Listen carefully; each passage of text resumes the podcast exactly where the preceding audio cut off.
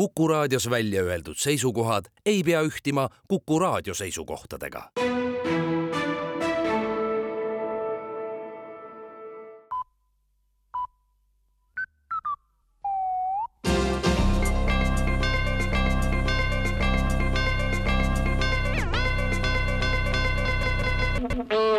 on uudiste eetriaeg stuudios Rohke Debelak vaenuliku sümboolika keelustamise seaduse eelnõu on saanud ööpäevaga veel täiendusi, teatab valitsus. lisaks vaenukõne sätete lisamisele seadusesse on nüüd tasakaalustatud seda ka sõbraliku kõne paragrahviga. kui vaenukõne on keelatud, siis sageli ei leiagi inimesed enam üldse võimalust kõnelda ja seega on sõbraliku kõne lubamise tagamine seaduslikul tasandil väga vajalik, märgivad eelnõu autorid sõbraliku kõne kasutamine debattides nii poliitilisel kui ühiskondlikul tasandil on vähe kasutamist leidnud ja inimesed on siiani arvanud, et see on keelatud, seega on vastav harjumus ka peaaegu kadunud.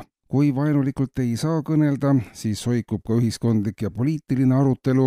eelnõu määrab ka ära, milline kõne on sõbralik ja milline vaenulik ja kuidas see üldse sümboolikaga seotud on. Ees on ootamas ka mõttetu jutu keelamise eelnõu, mis toob kaasa veel sügavamad poliitilised tagajärjed ja pinged, sest see võtaks suuremal osal poliitikutest ära üldse igasuguse väljendusvõimaluse.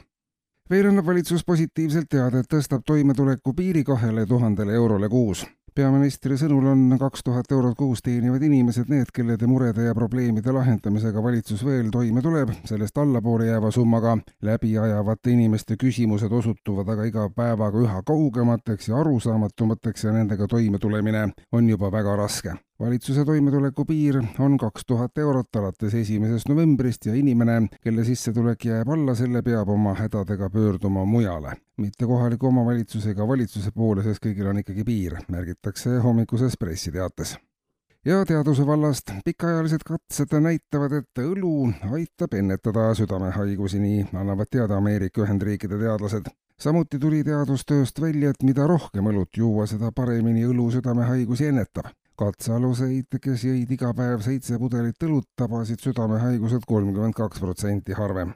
Neid, kes tarvitasid neliteist pudelit õlut päevas, tabasid südamehaigused juba kuuekümne kolme protsendi võrra harvem kõige paremini ennetas aga neljakümne viie pudeli õlle joomine päevas. nii käitunud katsealused said hukka juba enne, kui üldse mingisugusedki haigused märku andma hakkasid teadlased on seda meelt, et mida rohkem õlut juua, seda vähem haigusi jõuab inimene elus kogeda ja lisavad, et Ida-Virumaal ehitatava õlitehase asendamine õlletehasega oleks valitsuse esimesi samme, mis inimestele ka meeldiks.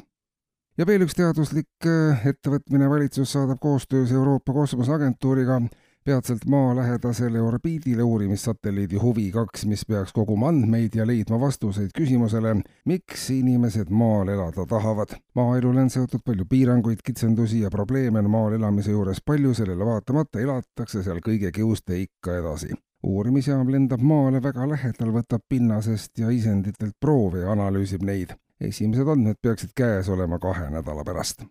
kuulsite uudiseid